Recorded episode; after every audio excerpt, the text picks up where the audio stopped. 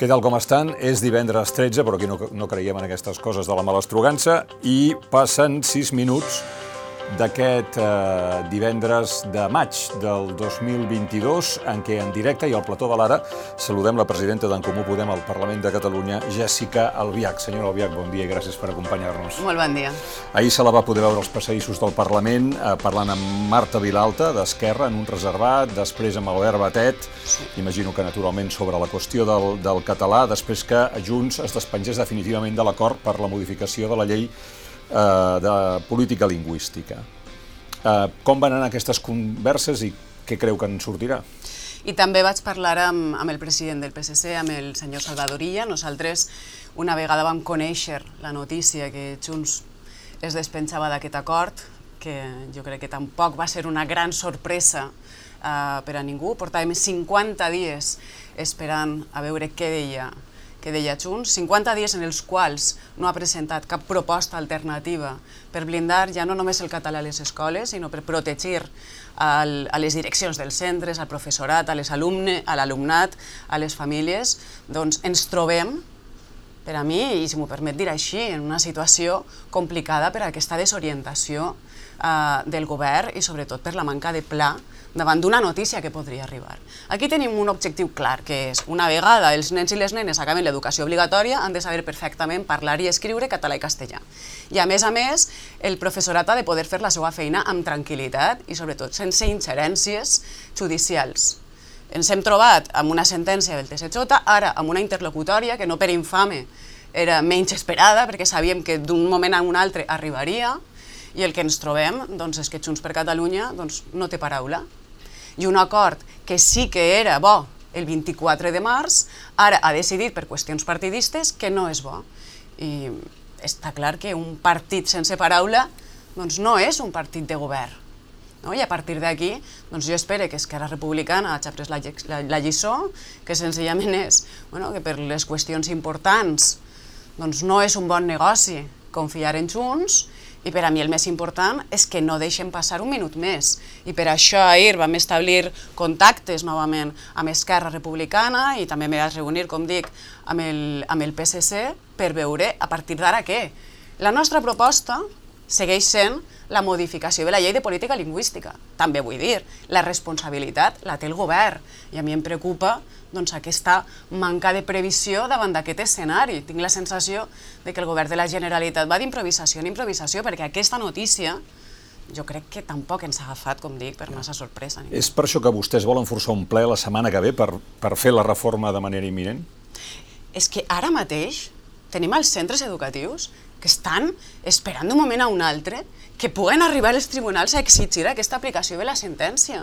Per tant, amb aquesta prioritat de protegir a les direccions dels centres educatius, perquè qui està en primera línia, en aquest cas, no és el president Aragonès, eh? no sóc jo, no és el senyor Illa, no és el senyor Batet, no és la senyora Laura Borràs, és que són els directors i les directores de centre. I per tant, ha passat 50 dies, pràcticament dos mesos, no? És que no podem esperar més i per això nosaltres dèiem cal un ple extraordinari la setmana vinent per activar ja d'una vegada per totes aquesta proposició de llei, sobretot perquè a mi ningú m'està presentant cap alternativa. Bueno, Junts ha dit que la té i que la presentarà. Bueno, ha tingut un mes i mig, eh? I també vull dir, és que aquesta modificació de la llei de política lingüística no ha sorgit per generació espontània. Han sigut dos mesos de treball on han estat polítics, on han estat juristes i on s'ha decidit que aquesta era la millor manera per blindar a les direccions dels centres. El que li estan dient vostès a Esquerra és has de votar això la setmana que ve? Jo el que li estic dient a Esquerra és Junts ha demostrat que és un, un partit sense paraula, i quan dic per a mi un partit sense paraula no és un partit de govern, i ara el que ha de demostrar Esquerra Republicana és que està a l'altura de les necessitats del país i és un partit en paraula. I quin sol li va fer Marta Vilalta? Està disposada a votar sense Junts? Bueno, Marta I amb Vilalta, vostès i el PSC? Marta Vilalta, el que em va vindre a dir és que, òbviament, està molt preocupada per la situació. Jo li vaig dir, de preocupació no només vivim, és a dir, aquí el que calen són accions i, per tant, estem a l'espera d'Esquerra Republicana, és així de senzill. Yeah. Uh, a l'espera d'Esquerra Republicana, i, i si Esquerra Republicana no s'hi posa? La responsabilitat és del govern, eh?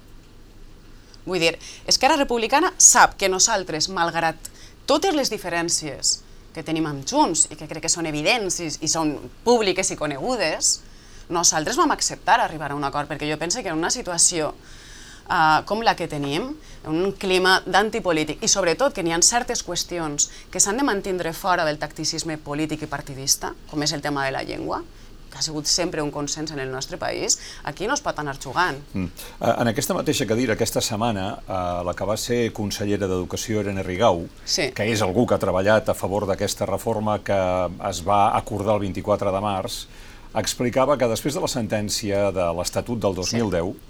No es pot blindar el català. Se'l pot protegir molt i, evidentment, el govern i el Parlament tenen eines. Sí, sí. I per això és favorable de, de, de fer aquesta reforma, per fer servir aquestes eines. Però que el català no se'l pot blindar. Si, si, si per aquesta paraula entenem que eh, la sort del català a l'escola serà aquella que decideixi el Parlament. No, sempre pot haver-hi un recurs al Tribunal Constitucional, etc. Aleshores, quines garanties tenen vostès sí. que tirant endavant aquesta reforma el català queda protegit. Sí, ahir mateix jo també vaig parlar amb, amb la senyora Rigau per, per comentar com havia anat uh, la jornada. I el que està clar és que ara per ara no n'hi ha cap alternativa millor. Per tant, o si menys durant, dolenta. Si durant dos mesos, durant dos mesos, no només Irene Rigau, sinó juristes, quatre uh, partits polítics, van entendre que aquesta era la millor manera, a mi que vinguen i m'expliquen, aquells que ara s'han baixat i no, no han complert la seva paraula, quina és l'alternativa que tenim. Per tant, eh, no hi ha garanties que no es pugui, és dir, que es pugui frenar això del 25% amb aquesta reforma que van a fer vostès.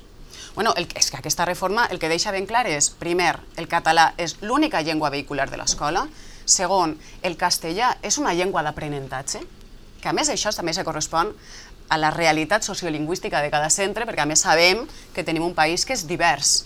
I és una llengua d'aprenentatge, com també diu la LEC, la Llei d'Educació de Catalunya, però és que igual que ho és l'anglès. I sobretot el més important per a mi és que aquesta llei el que et permet és no haver d'establir percentatges, perquè els percentatges no tenen absolutament res de pedagògic i sobretot que no són els tribunals els que han de decidir en quina llengua fem nosaltres l'escolarització al, al nostre país. La sentència s'ha d'aplicar d'aquí 15 dies, no? La sentència s'ha d'aplicar d'aquí 15 dies. I, I, I aleshores tenen alguna possibilitat de frenar-ho? A través de l'aprovació d'aquesta llei. Però això nosaltres que... el que diem és no podem esperar ni un minut més perquè portem 50 dies perduts.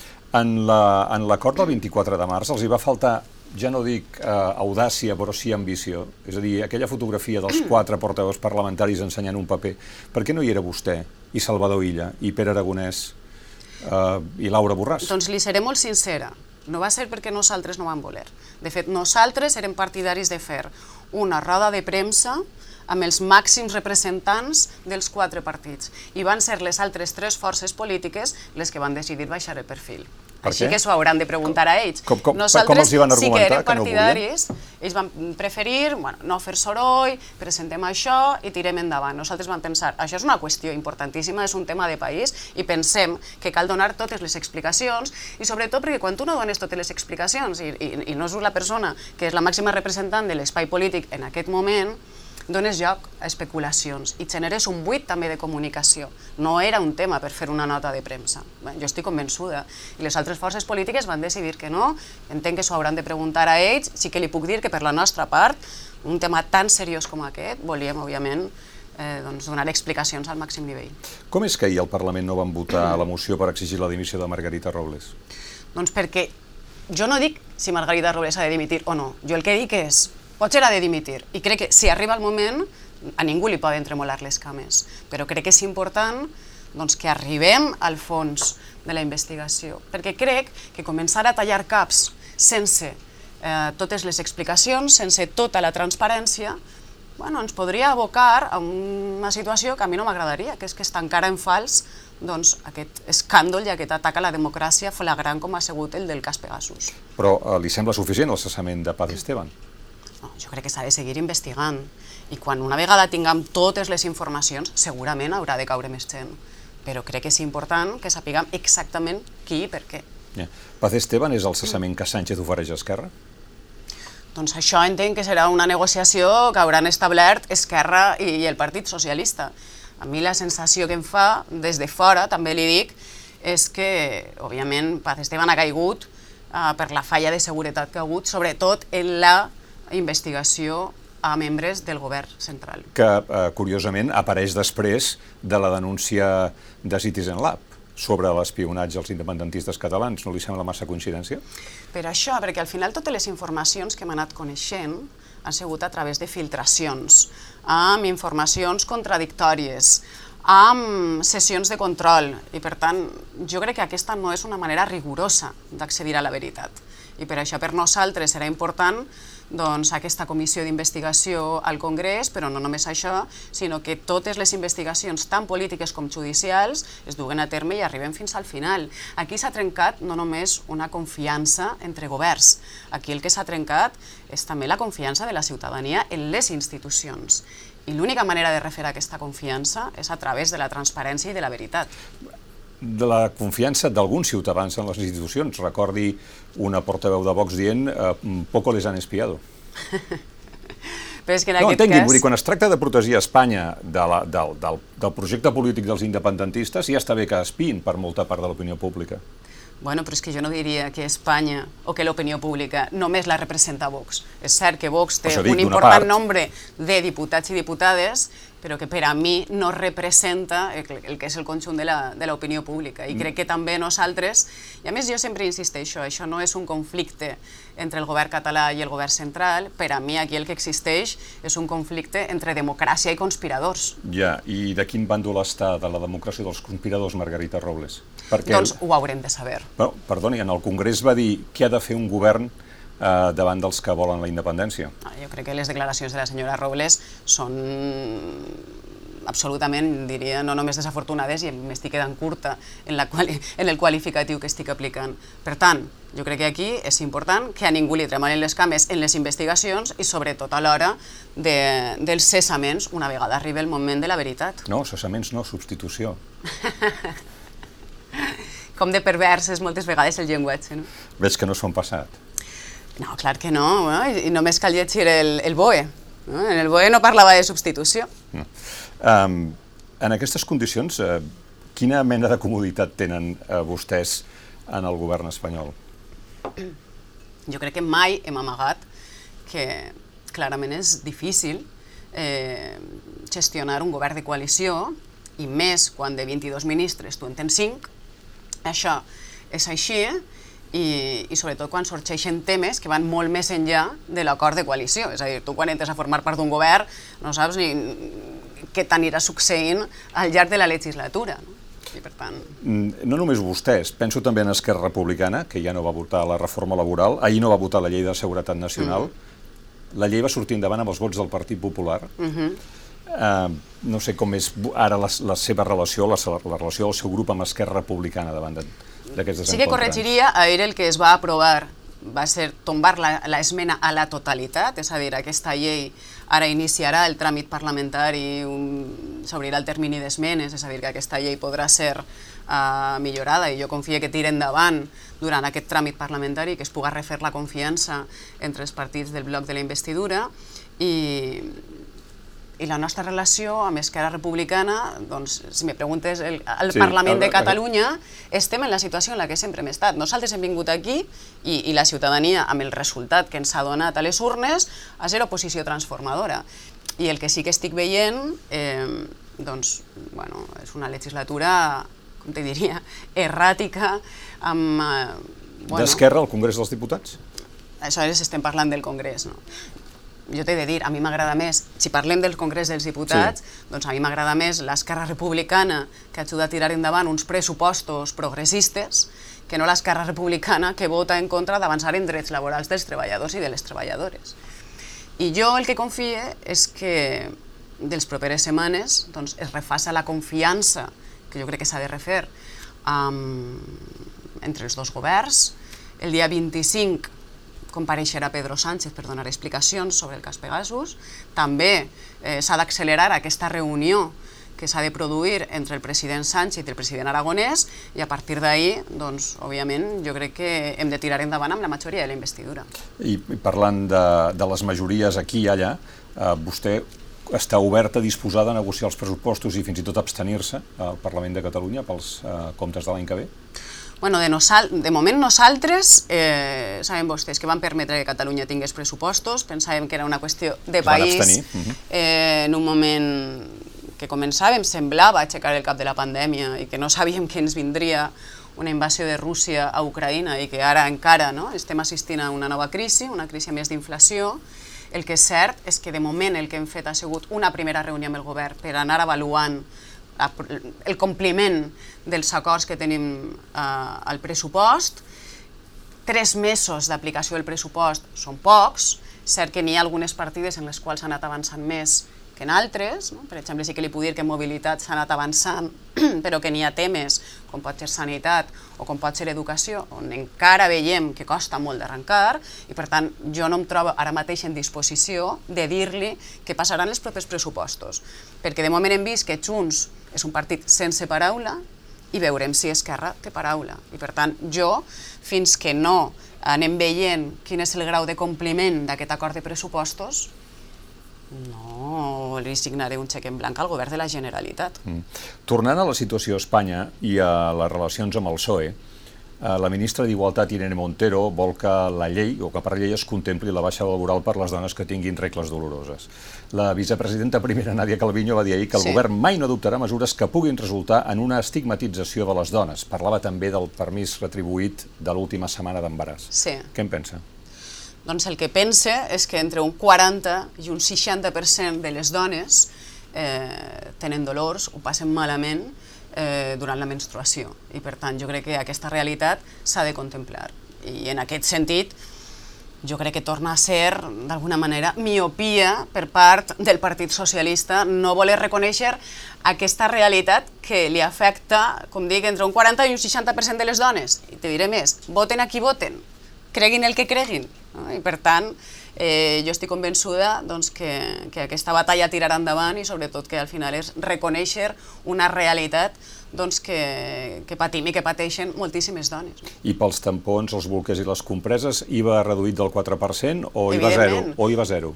Per a mi zero, vull dir, és que estem parlant No, és que no és el mateix. Vostès van acordar en el pacte de coalició un 4%, ara Irene Montero està parlant del 0%.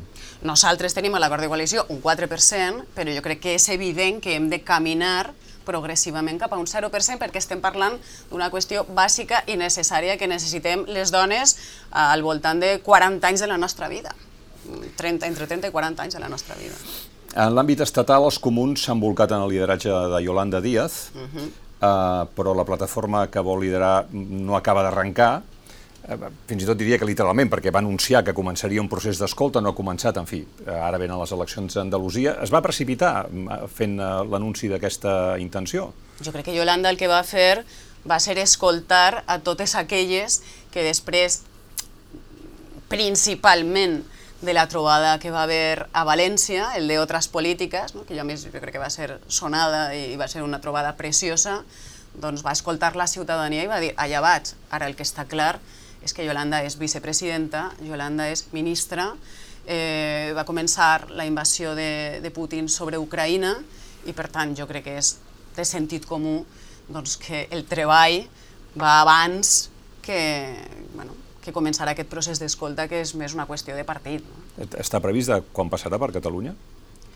Bueno, va estar per Sant Jordi i estic convençuda que les properes setmanes tornarà perquè Yolanda ens, ens, visita, ens visita sovint, no només perquè li encanta Catalunya, com ella mateixa diu, sinó perquè entenc que Catalunya és un pilar central uh, de la governabilitat de l'Estat i que a més dins, i més com a gallega, vull dir, jo crec que dins d'aquesta idea que tenim nosaltres d'Espanya, d'un país de països, Catalunya és un element central.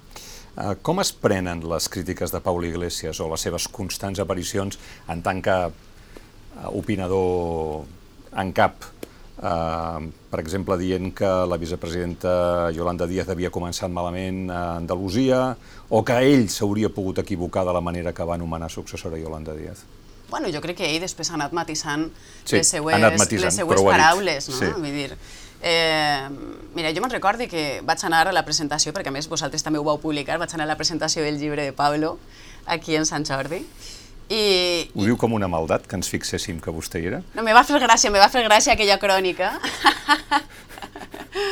òbviament, i de fet, bueno, la meva trajectòria política... Vol dir que s'ha de vigilar en el seu espai polític, si es va o no a les presentacions no, dels llibres de Pablo Iglesias? No, que aquella crònica d'alguna manera deixava entreveure això, quan en cap cas, vull dir... Molt bé, molt bé, I de fet, qui, qui coneix una mica la meva trajectòria política sap que jo vaig començar a fer política mm. eh, perquè vaig veure a un tio en coleta en un programa de televisió que era Pablo Iglesias i jo em vaig sentir interpel·lada. No? Molt bé.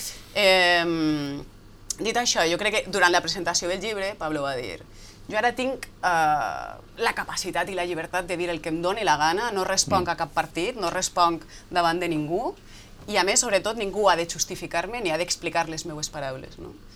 I jo crec que d'això va, és a dir, jo crec que Pablo ara mateix ocupa un lloc que ja no està dins del partit, que no està dins de la política institucional, i òbviament Pablo pot dir el que considere, i, i jo crec que senzillament Pablo va fer una molt bona elecció, i a més així, a més ho ha reiterat ell, eh, dient que, que pensava que Yolanda Díaz era una bona candidata, per no dir la millor, per representar un espai polític de canvi, de transformació, d'esperança cap al país que, que tots i totes necessitem. En aquell llibre, entre moltes altres coses, Pablo Iglesias, a qui vàrem entrevistar aquí, segurament vostès ho recordaran, eh, deia que eh, li semblava mentida la, la poca força amb la que el PSOE suposava al Deep State, Um, i, que, i, i ho deia just abans que esclatés el cas de Pegasus. No sé si els fets li han donat la raó.